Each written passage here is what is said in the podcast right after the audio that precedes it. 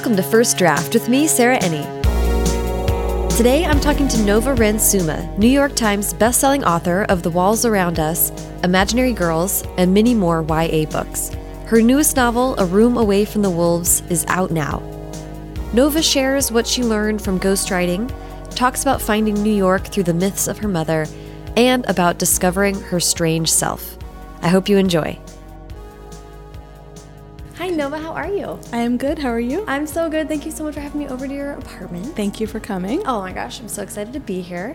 I like to start at the very beginning, which is where were you born and raised?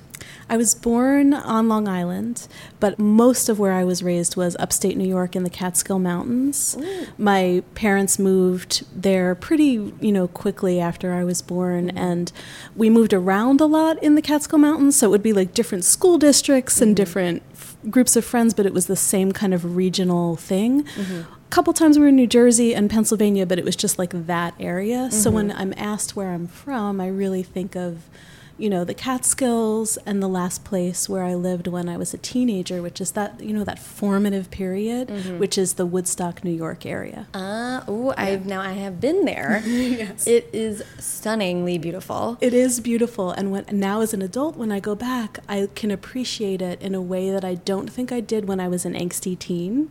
You know, then I felt I felt trapped in the mountains. I felt mm-hmm. far away from anything that was happening, mm-hmm. and I just couldn't see around me. Mm-hmm. And now when I go back, I'm I'm just you know, first of all, how could I not see this? And also, this is this is just a beautiful landscape, and the, the just the vibe of the place is so wonderful. Yeah, it does So- feel a little outside of time. It does. In an That's a interesting great way. way. to describe it. Yeah. Which, correct me if I'm wrong, but I think that is part of the background for Imaginary Girls, right? Yes. Okay. So uh, most of my books are set in the Catskills, and actually, even my latest book, A Room Away from the Wolves, which takes place in New York City, the character herself is from that area. You know, the Hudson Valley, the Catskills, and I honestly couldn't get into the character until I determined that she was not from the city because I couldn't imagine it seeing the city from an insider's view. I could only see it from, you know, the mountain girl's perspective. hmm And having yearned for it because Bina Yeah, yeah. in the book really is like wanting New York to give her answers. Yeah. Okay, hang on. Let's come back to that because I explicitly, absolutely want to talk about that. But, but I want to lead up. Mm-hmm. We're skipping over many years of your Yes. career. So first, I want to ask. So you moved around a little bit, but mm-hmm. you're in the same general area. Mm-hmm. How was reading and writing part of growing up for you? Well, my mom is a, a voracious reader. We have a, a thing in my family where the most, the saddest moment in your life, when you're most bereft, is when you're bookless. You know, if you're between books and you don't have a book, or you're stuck somewhere and you don't have a book and you're bookless and it's awful.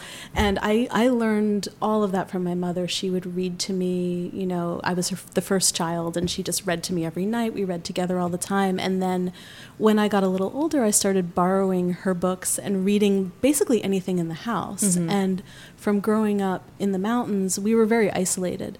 So when she would be off at work, I would just be, you know, in our house on a dirt road with no access to a town or anything. I was too young. No internet. No inter. Yeah, this was this was in the time before the internet, and in fact, we didn't even have uh, cable TV. Like Wow. there was just nothing. So I had, you know, whatever books I brought home from the library. But I was such a fast reader from my mother that I went through everything on her shelves, even things I didn't fully understand. I kind of, you know, found a way into the story on my own. Yeah. Do you remember anything that you look back and you're like, wow, why was I reading that? Yeah, I um I rem- so my mom was a hippie in the 1960s, so this might explain some of the things on her bookshelf. I discovered Margaret Atwood on her bookshelf when I was very young, um, and I remember when I was around 12 reading a book called Fear of Flying by Erica Jong, which is not child friendly and just very like sexual and just, but I didn't understand any of that. And so much later, when I was a little older and just and realized what that book is and how it's a revolutionary for women in a certain way, I thought I looked back to my 12 year old self and thought, well, that went over my head. and yet somehow I enjoy, I caught something in the book that I enjoyed. Yeah, you know, that's I just- amazing. And I think kids do that. I think that you know if something is just too confusing or just you know beyond their level of understanding, they'll find a way around it, and it's not a shocking, disturbing thing that will ruin them. Yeah. I was not ruined by reading Fear of Flying at the the age of 12. That's good. that's good. Yeah, that's a, that's a really good point. We talk a lot about this about the beauty of books being that kids can they'll meet a kid where the kid is at. That's perfect. It's yeah. limited by his mm -hmm. or her own imag or their own imagination. And what about writing? I thought that I've always been a writer. Mm -hmm. I recently discovered my journals from when I was a kid, from when I, when I was moving recently. And I was looking at some of the notebooks and I realized that I had wanted to be a dancer more than I wanted to be a writer when I thought this whole time it was, you know, I loved writing, but I don't think I really consciously started actively writing. You know, I wrote a lot of short stories until I was a teenager. And when I was a little younger, I really did want to grow up to be a performer and a dancer. Wow. But I, I kind of, it's so funny how you, you reimagine your history and talking about writing so much is like, oh, I've always wanted to be a writer. But I was confronted with that recently when I thought, oh, I really actively was trying for something else. Wow. I wasn't very good, but I just had this dream in my head. I was still writing, but it wasn't a conscious thing that, you know, this is something I could actually be. Mm-hmm. I think until I was a little bit older as a teenager. Wow. When I when I thought, you know, people do this, people write books, maybe one day I'll write books. But I love that you were dreaming. I mean, being I a dancer dreaming, yeah. is also incredibly difficult. yeah, I had. I, I, guess I had those kind of lofty, fantastical dreams. I always did. It was just you know which avenue it landed in. Yeah. Oh, how mm -hmm. great to rediscover your diaries and get a little more perspective. Yeah. Oh, for better or worse. I know, for better or worse. um, well, that's amazing. So, tell me a little bit about deciding to take writing a little bit more seriously, writing short stories. What did you study in college? How did your writing develop? I think, you know, I, got, I started getting praised for my writing, and I think that that I thought, oh, I, I, this is something I'm actually good at. Mm -hmm. But also, the thing about being a dancer and being a performer is you have to be out in front of people and a bit of an extrovert and i really at heart am a i am shy. Like i was the girl in school who didn't speak up in class at all unless called on. Mm. and not until college was i able to talk in a class. Like i was just very very shy. So i think as i got a little older i really saw that i was able to fully express myself in my writing in my journals in my poems in the short stories that i liked reading far better than i would on a stage in front of people it just felt natural and it felt like I could be more honest. And so, you know, I started writing stories in high school. And then when I went to college, I started taking writing workshops. I majored in creative writing, journalism and photography. And it sounds like I had three majors, but I actually went to a, an interesting, I'll say interesting and strange liberal arts college called Antioch College in Ohio. I went to Ohio because it was the farthest I could get away from home. And at that school, you could self design your major. So I picked the three things I wanted to do, which was, you know, different kinds of writing and taking pictures and I just combined it into one major, which I now look at it and I'm like, why didn't I just do a double major? But you know, you know when you're young. Um, so so I was writing then, and and it was in college in those workshops that I I just really loved fiction. When I was graduating college, I thought, you know, I could either go and get an MFA in photography or I could get an MFA in creative writing. And I thought, I'll apply for creative writing first. And I got in, and I went straight from college to New York City to mm-hmm. study creative writing, to study fiction. And when I got there, the it was at Columbia University, and there was no access to a dark room. This was in the days when before digital was a big thing. Right. So I was I really had to choose. You know, I guess I'm writing now. I guess wow. I'm not doing photography anymore, and it just all of my passion for anything visual just ended up in my writing. Oh wow, that's such a knowing your writing as I do. Um, and I've loved your reading your writing for a long time. It is incredibly visual. Thank you. Yeah, so that makes sense, and it's kind of interesting to think about the like fire hose of your creativity having to be narrowed yeah. to one outlet. Yeah. So tell me about choosing what I mean, Columbia is an incredible school, so I'm sure you chose Columbia, but also you chose New York. I chose New York. Yeah, yeah. I actually um, so I applied to a number of different MFA programs uh, when I was in college, and this was before these things were really on the internet. So I had I went to the library, and in the stacks was this big, thick book of MFA programs, and I went through and, and picked.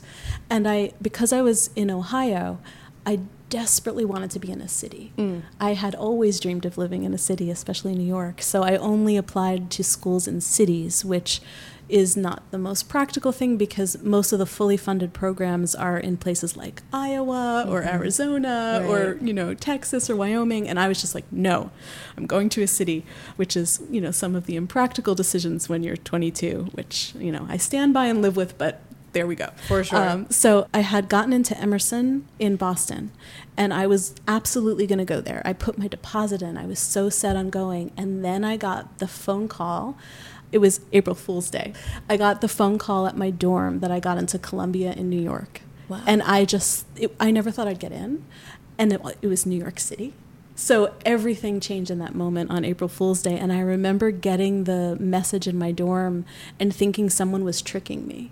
Wow. That like it could like I couldn't have actually gotten in. You know, who knew that I had applied? Who right. was doing this? Who would dare? Yeah, who would who would dare? like, um, and then the fact that I got in and it was the city that I had always wanted to live in. I dropped everything, changed my plans, everything, wow. and decided to go to New York. That's incredible. Wow. Okay. So I'd love to hear you talk about the uh, transition to longer stories. Mm -hmm. Were you still primarily doing short stories in undergrad? How did that evolve? I was writing short fiction in undergrad, and I was writing when I was first writing.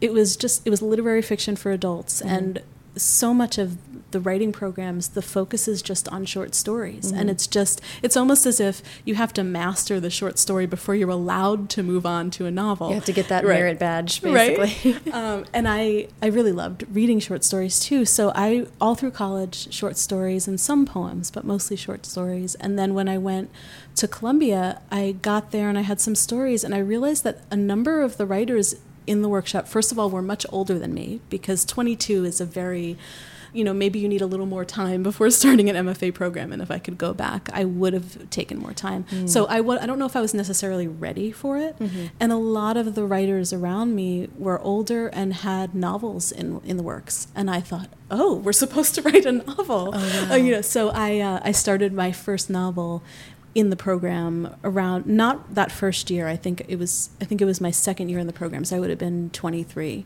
wow. when i started writing did, my first. That's so interesting to me i love that. Did you feel like that was your choice to write short stories or had you felt how did you feel about a novel? Was it an impossible thing or was it something you were working toward? Yeah i guess it's funny because i read so many novels and i loved them but i, I it felt like an unattainable thing this giant undertaking. Mm -hmm. and short stories felt more possible even now, I, am writing novels. I look on a short story and I'm like, oh, maybe that's. I wish I could be writing them. It seems easier, although honestly, in writing them, they are not that easy. So I don't know what I was thinking. And it turned out that the novel that I did try and write, uh, which I did spend, I spent years on. It ended up being 500 pages, never published. Wow. Was maybe my way of trying to figure out how to write a novel, and it, I wasn't ready to publish a novel, but I was ready to try the form and see like what happens when you you have an idea that's expansive enough for a whole book. Mm -hmm. And then it sounds like maybe it may be too expansive. corralling that in. Um, what was so? What was that first novel attempt? What kind of book was it? It was. Um, I think this is probably true for a lot of writers, but it was a semi autobiographical novel, mm -hmm. and it was a lot about inspired from my family and I put a lot of myself and you know my own experiences in and I think in a way that was detrimental because I had a hard time seeing it as a story beyond that. Mm. And I did that so wholeheartedly. It was such a struggle, you know, 500 pages. And then when I was done with that and realized I could move on, the thing I wrote after that was completely the opposite, like not my experience at all because I was, you know, I guess, in reaction to that. Yeah. And I have since moved on to melding that, you know, yeah. taking my own experiences and my, what I know, mm-hmm. but making it you know, fictional and fantastical at right. the same time. But at the time in that first novel, that was contemporary realistic. It was adult literary fiction. There were no people who know my writing. There were no strange occurrences. There were no ghosts. There was wow. nothing that you know of me today. Wow. I didn't discover that until a little later. That is so interesting. Yeah. But were there those kinds of elements, fantastical elements, in the short stories you no, writing? Wow. No. So you were yeah. just like straight adult yeah. literary. Yeah. That's wild. And I think maybe that's why for me those pieces weren't working as well, mm. is I hadn't found what I was most fascinated by and what I most wanted to dig into. And I was maybe writing what I thought I should be writing. Mm-hmm. Like, if this is serious fiction, you know, it is this, you know, yeah. and, and that just wasn't me. Well, this is something I want to sort of come at from a few different angles with you in particular because you're so from the MFA world and you're still teaching writing and you've done a lot of fellowships and those are things that I associate with adult fiction, uh, literary fiction, and this sort of almost a little bit more academic sense mm -hmm. of, of the art of writing. And you've ended up being in the YA sphere, which is a little bit more like Wild West. And it is like the Wild West, right? so, so I, am interested in how you think about that, and mm -hmm. and you know pros and cons. How have you felt transitioning into this world? Mm -hmm. What's that been like? You know, I got my MFA in writing for adults, and that was what I was reading. That's all I was reading. That's all I knew. I didn't really even know about YA at that point, and I then wasn't able to get an agent. I tried with two different novel manuscripts over a period of years. Mm. The first one I think took five years. The second one took three and a half years. So this was many years of trying. And again, I wasn't writing anything fantastical. Mm-hmm. Trying and like trying to fit myself into this box that was serious literary fiction where I don't really think I belonged at that point. Mm-hmm. And then feeling really low and just like, wow, I'm never going to make it as a writer. I had a very, very clear moment with a, an agent rejection on my second manuscript where I thought, I'm not going to be published. Like I've pub- I published a few short stories, but like I'm, this is not going to happen for me.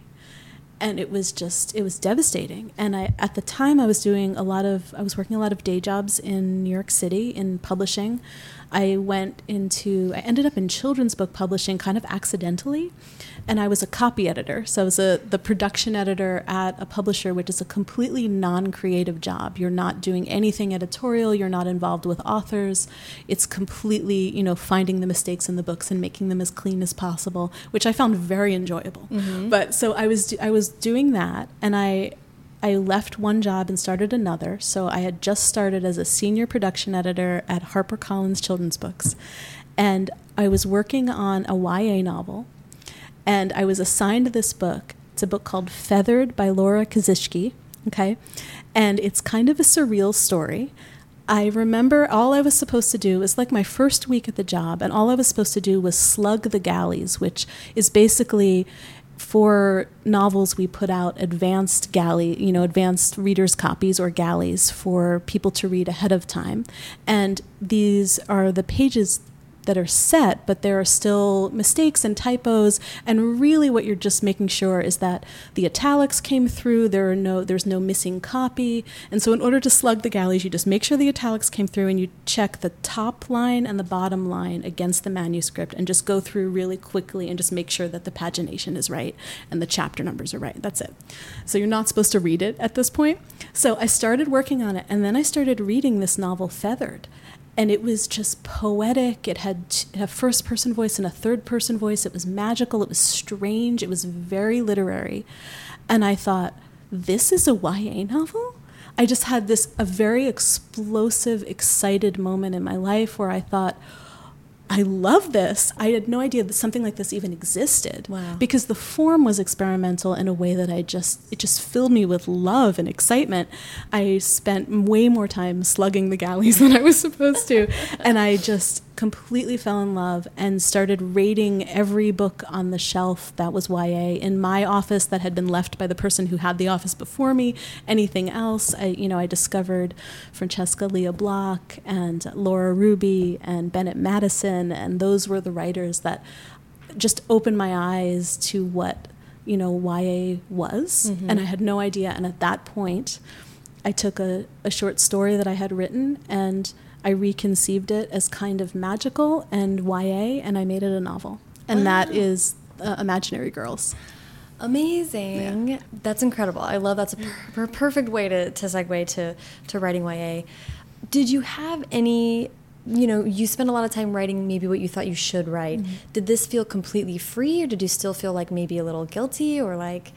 I felt really free. Mm -hmm. I felt like writing felt fun in a mm-hmm. way that it hadn't. I felt like I had a a sense of how to write a novel in a different way because also at the same time, not only was I writing YA, I was writing something fantastical. So mm -hmm. it was mm-hmm. two different things. It was like the, the doors were opened to, you know, what anything could be at this point you know, in the world that I was still in, kind of where I would do, you know, writing fellowships with mostly adult literary fiction writers, I did get a lot of attitude mm-hmm. and um, snobbery. I remember I went to an artist colony, uh, the MacDowell Colony in New Hampshire, and I've been there a few times, and I think that maybe this was my second visit.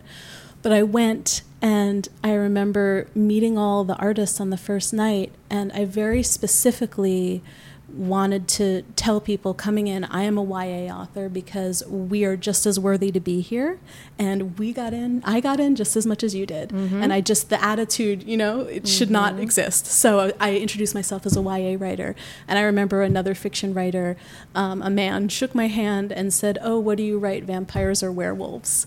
And I was just like, yeah, like your face just dropped, just as mine probably did. And then I had to explain to him, in YA we have all genres, and we have you know commercial fiction and literary fiction, and we have everything. Mm-hmm. We encompass it all. Mm-hmm. And I had to, I basically had to school some people on what YA was. Wow. And I remember at that particular residency, you know, I had a little bit of just you know feelings of inadequacy about that, but also knowing that what I was doing and what I'm a part of was worthy.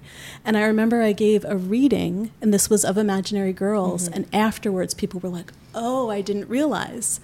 And I just, you know, it wasn't that my book was in, in, any way special. I was absolutely writing a certain kind of YA novel that I admired and, mm-hmm. you know, had existed before me and I was inspired by. And so I thought, I, you know, maybe maybe some perspectives changed at that point. That's but it's, great. it's funny how a number of people who I've met at places like that years ago have now gone on to write YA novels. I was going to say, I yeah. feel like uh, you, you were very helpful then in educating people about the yes. possibilities, but I, I, just love talking yeah. to people who get MFAs and about those those moments they all encounter. Mm -hmm. um, so I don't want to skip over. Um, you got us to Imaginary Girls, but there's also Dani Noir, mm -hmm. which I think was initially a middle grade. Yes. How did that come about? So this is a whole other part of the the years where I was getting rejected for my adult writing. Is I was working in publishing and I had an opportunity when I was there to start doing work for hire writing and, and ghost writing, you know, for different projects at the publisher. So it started off with, you know, media tie-in kind of things like a movie or mm-hmm. a TV show or, you know, a cartoon character.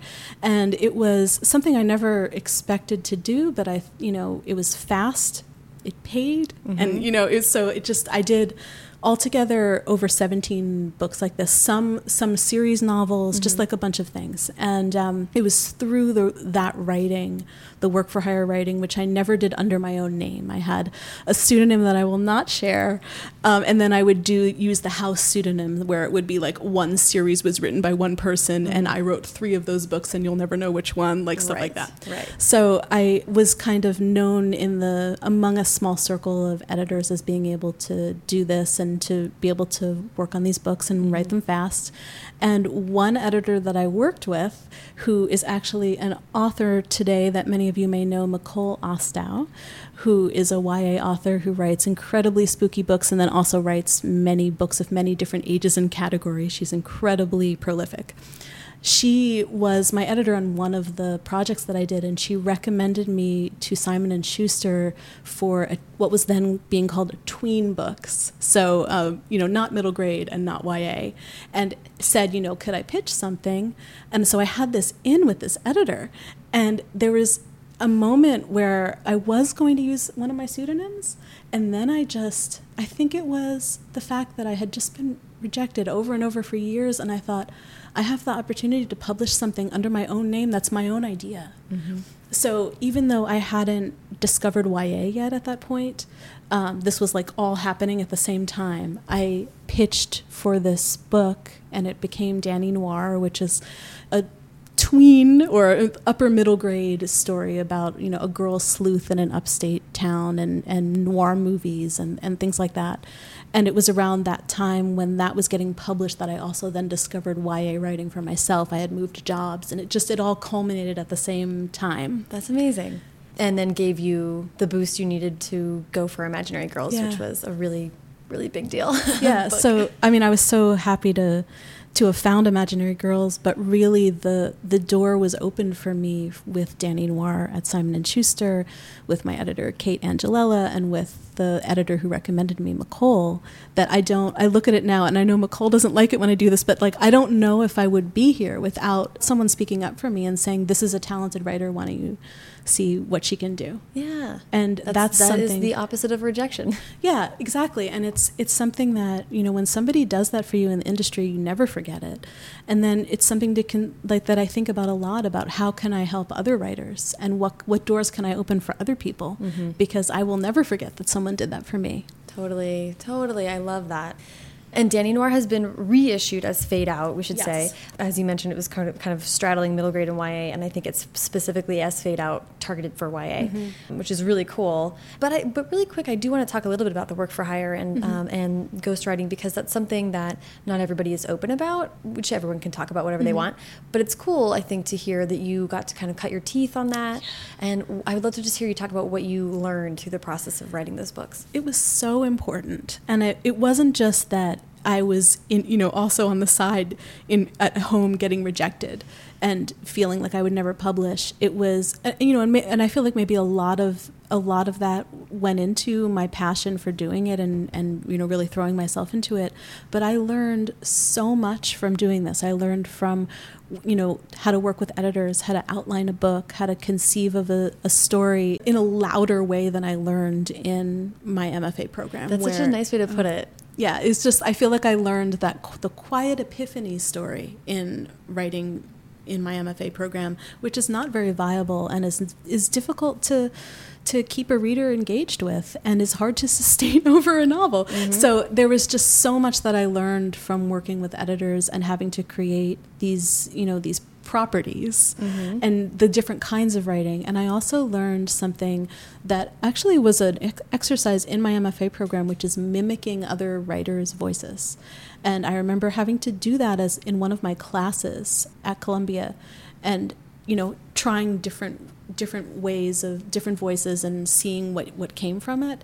And in work for hire writing, often, especially if it's a house pseudonym and it's one series, you have to write like the other books. Mm-hmm. And then if it's a property, if it's a something that people know and they know the characters, you have to speak like those characters. And in writing in other people's voices and in other characters' voices, I really learned what my voice was beyond that. Mm-hmm. And now I would not, I don't do it anymore, and I wouldn't do it again because I now very much want to tell my own stories in my own voice. Mm-hmm. But I needed to have that experience to really get to that place where I honed what my voice was. Yeah, I love, mm-hmm. I love you describing it that way. And actually, we had just been talking about moving a little bit, and when I moved to LA last time, I was telling a, I was recommending moving to my friend, and I was like, you know, you really learn about yourself by what you don't take with you. Mm, yeah. It was, and new habits and things mm -hmm. like that. Mm-hmm. I was like, you know, you show up, I've been here for a week, and I realized, oh, I haven't even thought about that thing that I did every day back then. Just and then mm -hmm. so you just sort of let things go that, mm -hmm. and that does teach you so much about yourself and who you are at that moment. Yeah, yeah. Um, what you take with you. Mm -hmm. Totally. Mm -hmm. So I love that you had that experience and that you got to kind of like dip a toe into really commercial fiction mm -hmm. and then find this yeah. lovely blend. So I want to really focus on A Room Away from the Wolves, but tie in your other books too because I'm, I love thinking about the similarities in people's work. Mm -hmm. But the very first question is, if you don't mind, can you pitch A Room Away from the Wolves for us so that we can talk about it in some detail? Okay. Uh, a Room Away from the Wolves is a story about the tangled bond between mother and daughter and complicated female friendship and needing to find a place to belong. And it begins when my narrator, Bina, runs away from home and ends up in a boarding house, a residence for troubled girls in the heart of New York City. And there she discovers um, some supernatural secrets and also realizes that the choice to stay or to go may be entirely out of her hands. Mm. It's so good. I have like I've had such a joyous time reading it. Thank you. I'm going to endeavor not to spoil anything.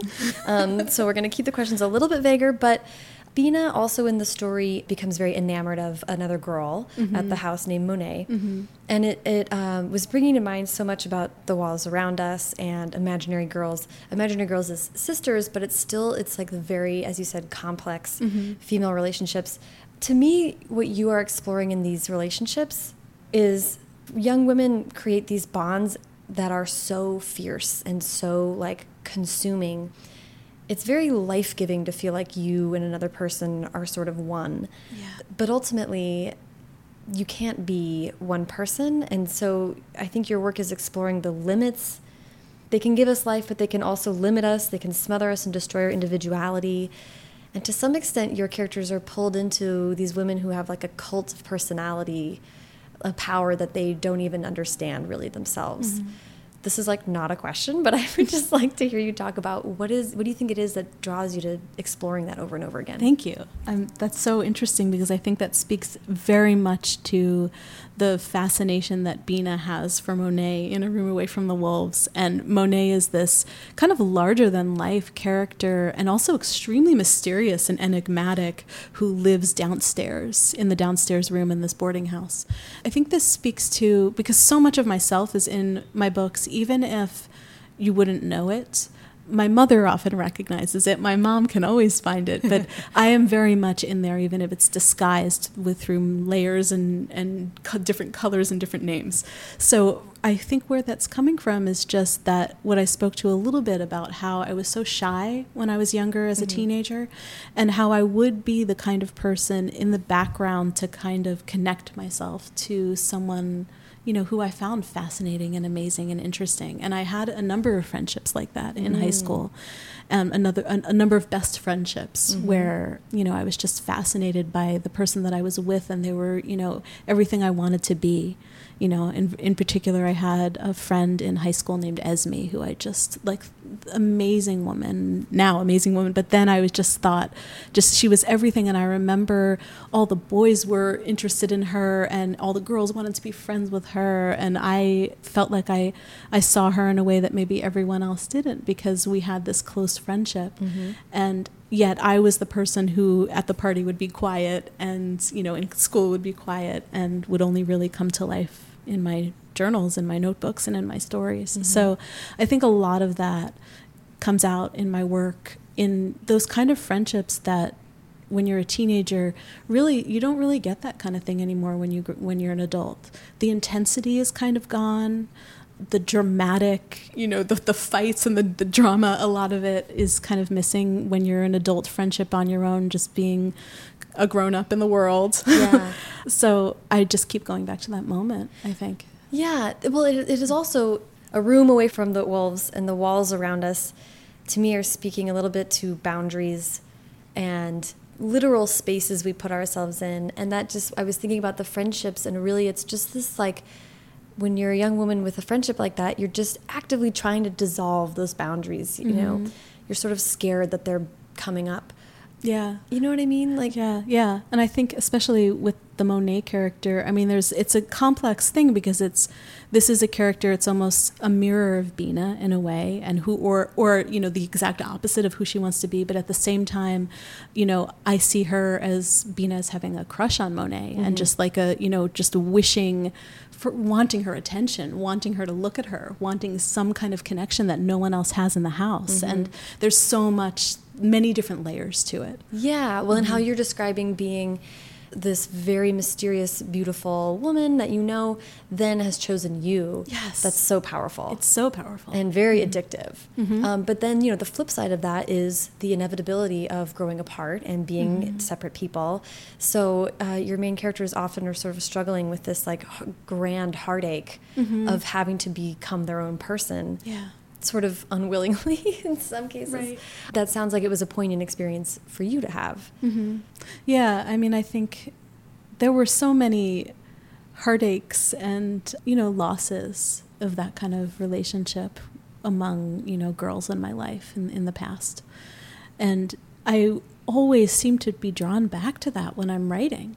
You know, even now, something that I'm starting to write, I feel like has you know hints of that and has you know different different angle, you know, different way of looking at it, a different situation. But there's something in there so mm-hmm. clearly from looking back at my life. There must be something that I didn't get over, mm. or that I'm I'm still trying to find my way to talk about, and so I'm talking about it in different ways in different books. Mm-hmm, mm-hmm. You know. I wonder if, and this is like very project ding on you because this is what I think. So I'll, I'll say what I think, and then um, you can tell me what you how you see it.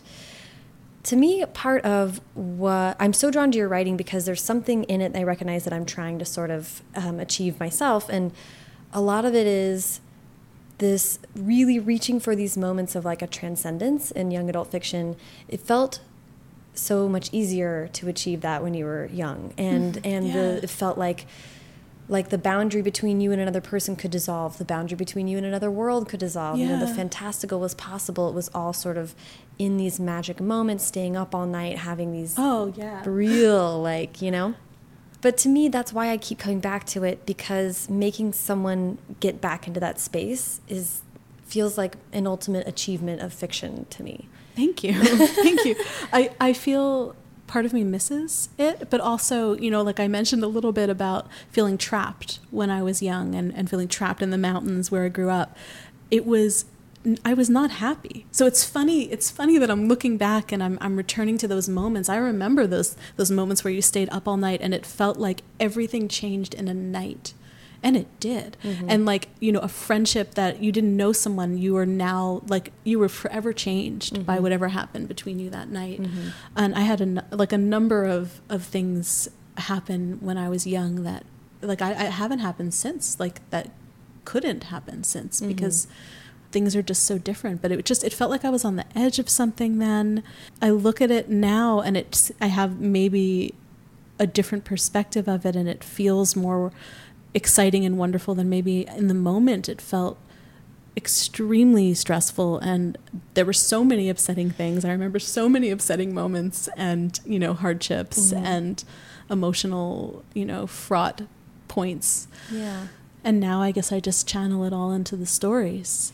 Yeah it's it seems yeah. like perhaps some of the supernatural elements and the magical elements are great ways to achieve that, right? I mean, is that how you think about when the mysterious things creep into your stories? Yeah, you know, it's funny that that the the YA and the genre stuff happened at the same time for me. It like it clicked. Yeah. And it must feel connected. And I, I think it's because, you know, when I was young, I had a real fascination with the occult mm. and all strange things and ghosts and all that stuff. I would say really the key year for me was age 13. That was just the, you know, the moment of discovering my strange self, I think. Mm-hmm. And so when I think about being a teenager, all of that is wound up into it. And for some reason, when I was trying to write before that, when I wasn't writing, you know, go- some ghostly, strange, surreal things, there was maybe a flatness there that I that I couldn't get into it, and maybe by opening the door up to that possibility, I opened it up to the feeling of the moment, mm-hmm. you know, which comes through that that sense of, as you said, you know, I think you said transformation or something. Yeah, yeah, yeah, yeah. yeah. The tra transcendence. Transcendence. Yeah. Transcendence. And I feel like transcendence is very much connected to, it feels like an impossible thing and not an everyday occurrence. And allowing yourself as a writer to write about things that are not everyday occurrences and that seem impossible opens up the door then for transcendence in all ways. Yeah, and I like how you said that feeling on the edge of something. Mm -hmm. It's so it's such a com compelling talk about how to propel a reader through a story. That feeling is so addictive, and mm -hmm. what's going to happen? You know, it's great. Um, I want to talk about the setting, especially for this book is so rich. Let's start with small and micro and go macro. A room away from the wolves I want to ask about the portrait. I want to ask about the house. But first, can you just talk to me about that title, A Room, A Room Away from the Wolves? What is the, what is the room to you? Uh, well, the room, it's a refuge, it's an escape, it's a safe place. And the title comes from a quote by Jean Rhys in um, Good Morning Midnight, which was a book that I discovered in college when I was, you know, discovering the kind of writer that I wanted. And in the room that she was talking about was at, I think, a women's residence in Paris that she was, you know, the character in that story was going to. And the wolves in that story were not anything fantastical, but just like the world outside closing in on you and just needing a place from like everyone trying to bite at you. Mm-hmm. And so I was very inspired by that quote, and that's where the title comes from. But at the same time, I really did think about, you know, Bina is running away from so much trouble that she got herself into at home, and just a lot of people who are angry at her, and people who are making up false stories about her. And, you know, this is coming from inside her family and also outside in, you know, you know the people at school and the people in, that she knows in town and it just feels like everyone is against her, mm-hmm. including the one person that she thought who would always be in her corner, and that's her mother. So when she runs away, she runs away in particular to a boarding house that she knows her mother stayed in once a long time ago when her mother was a teenager, when her mother was 19. And it's kind of, you know, a way to connect with her mother, even though they're not speaking to each other at, at the moment that mm-hmm. she runs away. So the room for Bina is really a cocoon where she feels safe again when she didn't even feel safe in her own house. And I also see it as a, a way of connecting with, with her mother mm-hmm. without even her mother knowing. Yeah, it's kind of connecting with her mother across like time. Yes. Yeah. It was very very poignant to read that. I think a lot of people go through that in life is sort of trying to then go back and relive your parents' young life and see them in those new ways. Mm -hmm. um, I must ask about the portrait. I'm okay. So, because I know there's a story, I think, yeah. to it. Uh, describe what the portrait is and then tell us where it came from. Okay. So, in uh, the house where Bina stays, it's called Catherine House, and it's named after the original founder, um, Catherine de Barra, who is a woman who died very young and whose estate was then left to open up to be this young women's residence, a boarding house where young young women could go and stay in New York City. And in New York City, in you know, this is taking place in the Greenwich Village. There actually were a few boarding houses like this, and there was one called Catherine House with a different spelling. And I just was so like I was so taken up with Catherine. I'm like I have to do it. It's not the same one, but I have to do it. So Catherine actually came from a real Catherine House in a different part of the village, but there mm. it used to exist. So I imagine her in a certain way, and inside the boarding house, there is this living room area that has much of her old furniture and much of the old decorations from her life. And there's a portrait on the wall above the fireplace that is a black and white photograph of a woman who seems very serious, who's just holding her hands in a knot over her knee, staring out at the room. And in the story, this portrait can you know its eyes can follow you across the room and and maybe possibly you know moving beneath the glass. And my narrator Bina on her first day immediately thinks that she sees the you know Catherine behind the portrait watching her. So this actually did stem from something in real life. So I, I will tell you um, not only you know the name of Catherine House but actually when I was away at another artist colony this one was Yaddo in Saratoga Springs. And I was there writing a different book. I was writing for, I think I was there for three weeks in December. And in the wintertime at Yaddo, the main house where the artists stay, the the mansion is closed, and you stay in the what is called the winter mansion, which is just hilarious that, that. saying like I stayed in a mansion, but it's it's just a big house off to the side, away from the the much much bigger house, and this was where the family of this that had you know bestowed the artist colony upon the world really mm-hmm. used to live in the winters. And the there was a woman Katrina Trask who is the founder after she died of, of this colony.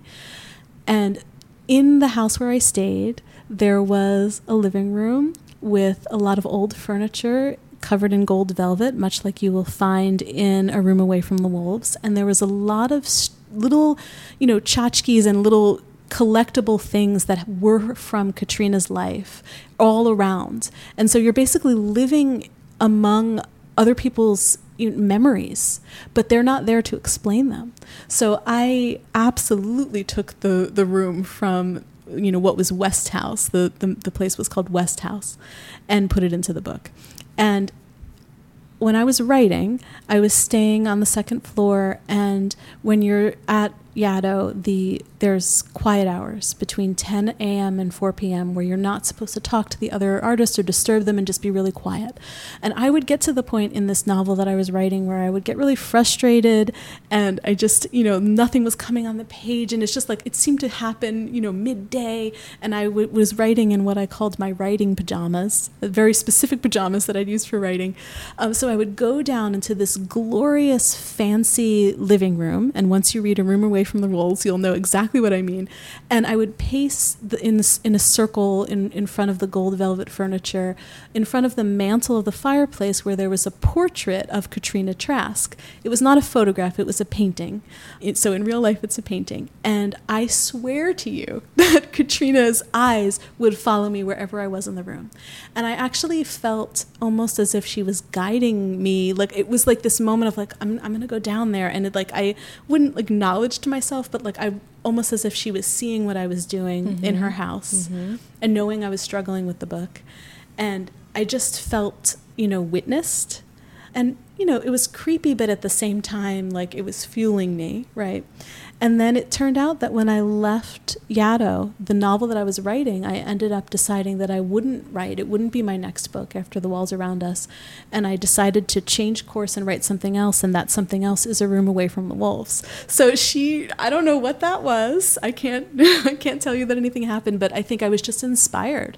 I was inspired, and a different idea inserted itself into my head and wouldn't leave me alone. It was just kind of like itching at the back of my head. And it happened from, those moments of pacing the living room before that portrait. I love that it, that sense of guidance and being seen, but also watched. You know, yeah. there's this yeah. eeriness, and and something else I love about A Room Away from the Wolves. And you know, maybe we can't say too much about it, but but, but Bina obviously then struggles with being in this house and the sense of can I leave but it's also that she chose to go. Yeah.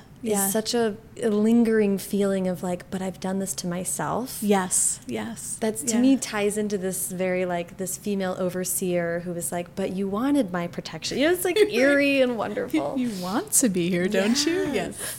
oh, it's so interesting. So that setting, that Catherine House, I love that you had the house. I love that it's historical for New York, and I want to talk about New York as a, pl a mm -hmm. place and a character in this book. I wrote that it's a ghost town, a quote unquote ghost town in this book, because it feels like a city full of ghosts mm. and mysteries.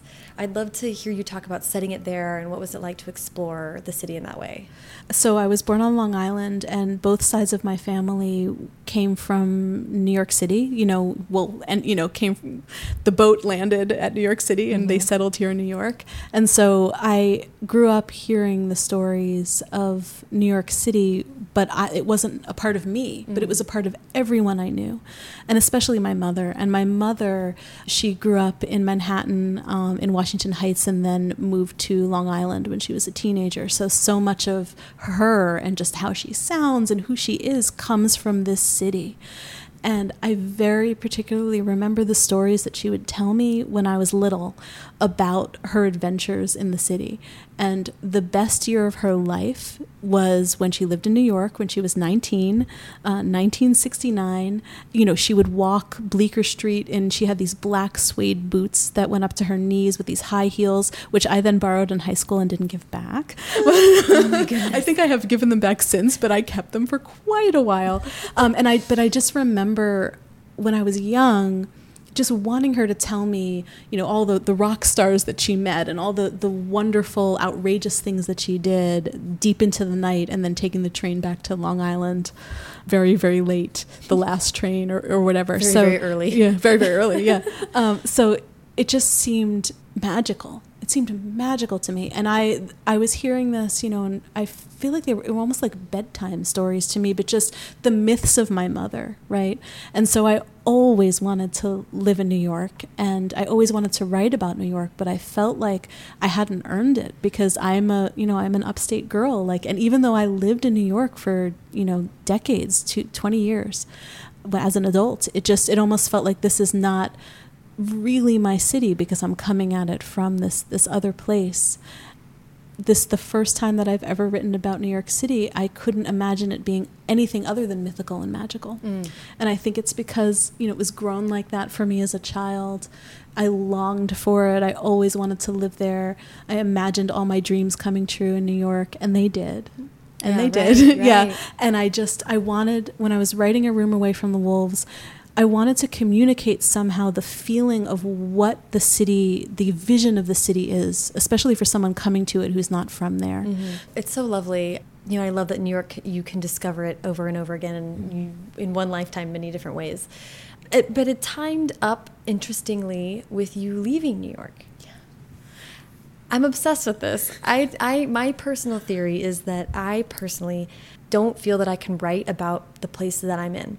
Yeah. Because I'm in it. I don't need to, I need to be in a position where that place is what I imagine it to be. Yeah. So I live in Los Angeles now, and I have like zero intention of writing an LA book. Mm-hmm. There's just no sense of that for me. But everywhere else that I lived is like fair game right now. Yeah, so yeah. to me, when I read this book, and I was like, this is such a like sort of a beautiful like tucking in at night this like life that you had. I don't. How, did it time up that way? How did you think about it? It, it really did weirdly time up that way. And I will tell you, it was absolutely not planned that I would leave before the book came out. I did not, abs- I did not plan that. I didn't expect to, I'm here in Philadelphia right now. That's where we are. I did not expect to be here in Philadelphia. I, you know, we had talked about living, I, I think anyone who lives in New York, you always talk about like, oh, what if we lived here? What if we lived here? It's just a constant conversation. But I don't think it was really concrete at the point when I started writing this book. I think that I was afraid to write about New York for a long time, and I think because it was so close, Mhm. and the only way to access it for me was through this, you know, magical vision from my mother's stories, and not Mhm. necessarily, you know, the everyday of of what I was seeing. And then, as I was writing it, it took a while to really access the story and make Mhm. it fi- like to find the story.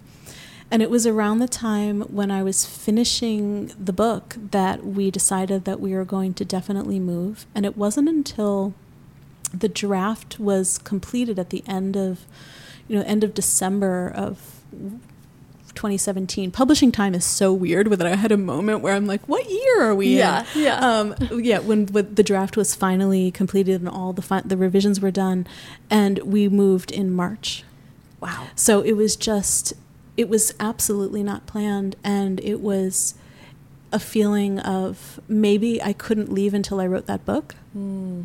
You know, like, like I, I was keeping myself from writing something about this place that I love so much.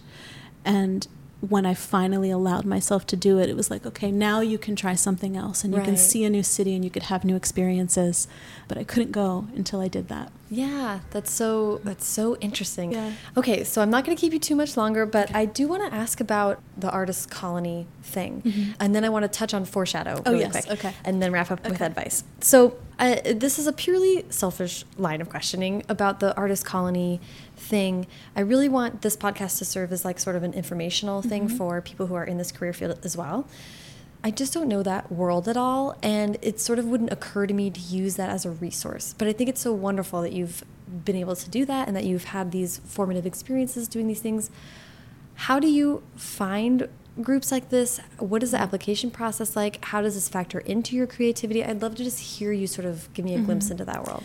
I mean, I love the the opportunities that are offered by artist colonies. And for anyone who doesn't know what that is, you know, you basically apply ahead of time to go to a place where you usually often live with other writers and artists of all disciplines. So it's often, you know, not just not just writers, but you know, musicians and dancers and visual artists and and anything you can think of. And you're there for, you know, it could be two weeks, it could be two months, and it's kind of like you're taken care of. People often feed you. Often these things are free, and it feels like you've been removed from all the noise and stress and, you know, just madness of your real life and put into this otherworldly place where the only thing that you're asked to do is create. There's nobody looking over your shoulder seeing what you created. There's nothing you have to turn in at the end. Your time is your time, and it's up to you to make what you want with that time. Mhm. So I I found out about these colonies from graduate school.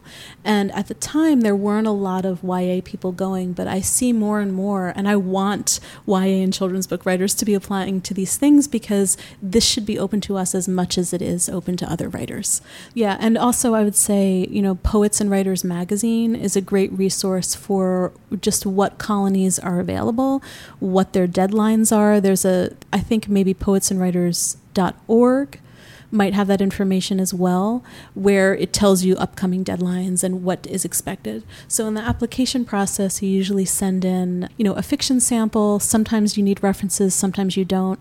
Sometimes you need to say, you know, what you expect to be working on while you're there. Mm. But the project proposal doesn't have to be too detailed. Different colonies have different, you know, expectations.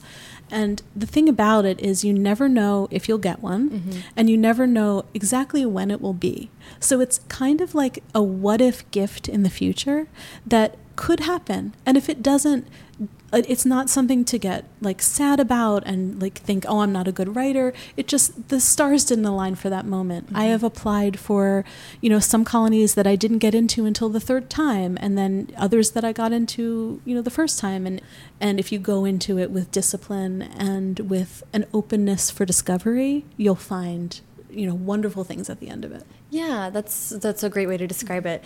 What has it done for your creative process? The thing that I feel like I get the most from my creative process from having done these things is giving myself the time to discover and create and think. Mm-hmm. I often will go into something like this where I have two weeks to write and I have to write this many words.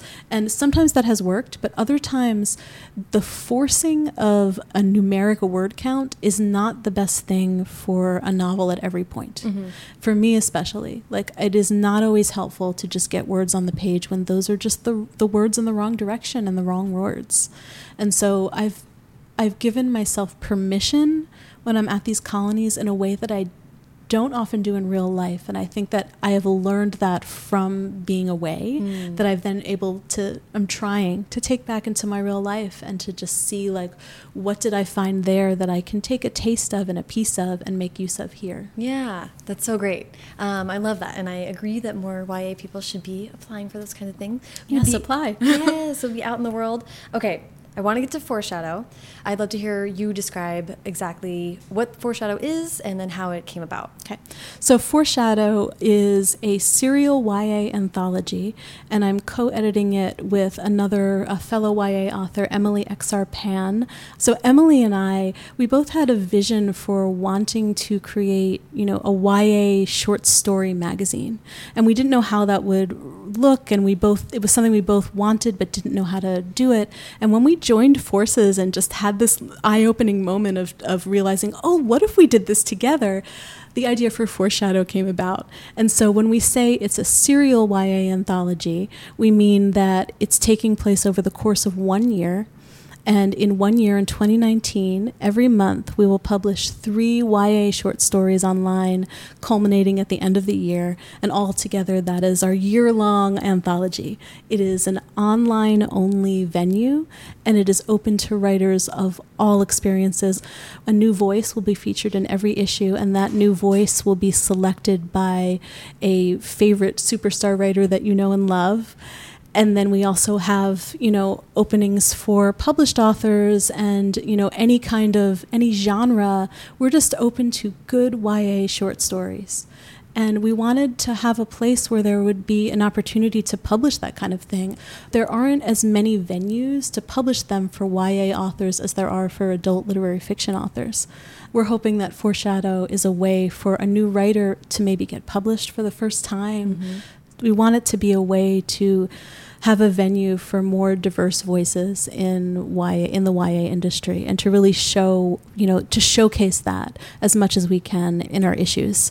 So we have some really exciting stories coming up. I can't wait until this launches. Uh, we will be doing a fundraising campaign in the summer of this summer. So by the time this is out, that mm-hmm. fundraising campaign will have already happened. But our first issue, issue one, will be January 2019. Yes, that's mm-hmm. so exciting. I looked at the list of people who are helping you get this off the ground, and it's just a whole bunch of really amazing people. And we have an incredible volunteer staff. These are all people who are volunteering their time. And of course, if we're able to fundraise money to what we're fundraising for is to pay the writers because we think it's important that writers are paid for their artistic work. Mm-hmm. And beyond that, once we can pay our, our contributors, we want to pay our volunteer staff, all these amazing, you know, authors and writers and publishing people who are volunteering their time to make this happen. Mm-hmm. It's so good. Yay. Well, thank you so much for taking thank all this you. time with me. Um, I do like to wrap up with advice. So sure. I would love to hear, basically, just for aspiring writers, a lot of people that listen to this are aspiring writers, what would be some of your key points of advice? I mean, I think one thing, uh, maybe it was because we were talking about artist colonies, is I often in the past have said, "Oh, this is too this is too big for me. This would never happen. Mm. I'm not good enough for this." And you know, closed it off and, and not tried. And I've found that when I've had those moments of fear and I stepped beyond that fear and I tried for something that seemed impossible or seemed that I wasn't good enough, it actually can happen and i've mm-hmm. seen this happen for a lot of writers as well and i just i would say to to allow yourself the permission to try for something that seems impossible and put the work in for mm-hmm. it you know don't just like randomly throw something at a wall but like really put the work in and try even if it doesn't come through you will have learned from the experience of trying or applying or putting yourself out there mm-hmm. and you will be a better writer for it yeah Thank you so much for taking the time to talk to me today, Nova. This was such a joy. Thank you so much for having me. Thank you so much to Nova. Follow her on Twitter and Instagram at Nova Ren, and follow me on both at Sarah Enni and the show at First Draft Pod. For links to everything Nova and I talked about today, check out the show notes for this episode on firstdraftpod.com. While you're on the website, you can check out all 150 plus previous episodes of this show, including many that are available as transcripts. Right there on the homepage is a link to a searchable Google Doc, and if you open that and Control F, you can search for all your favorite YA writers. If you love them, odds are I've talked to them.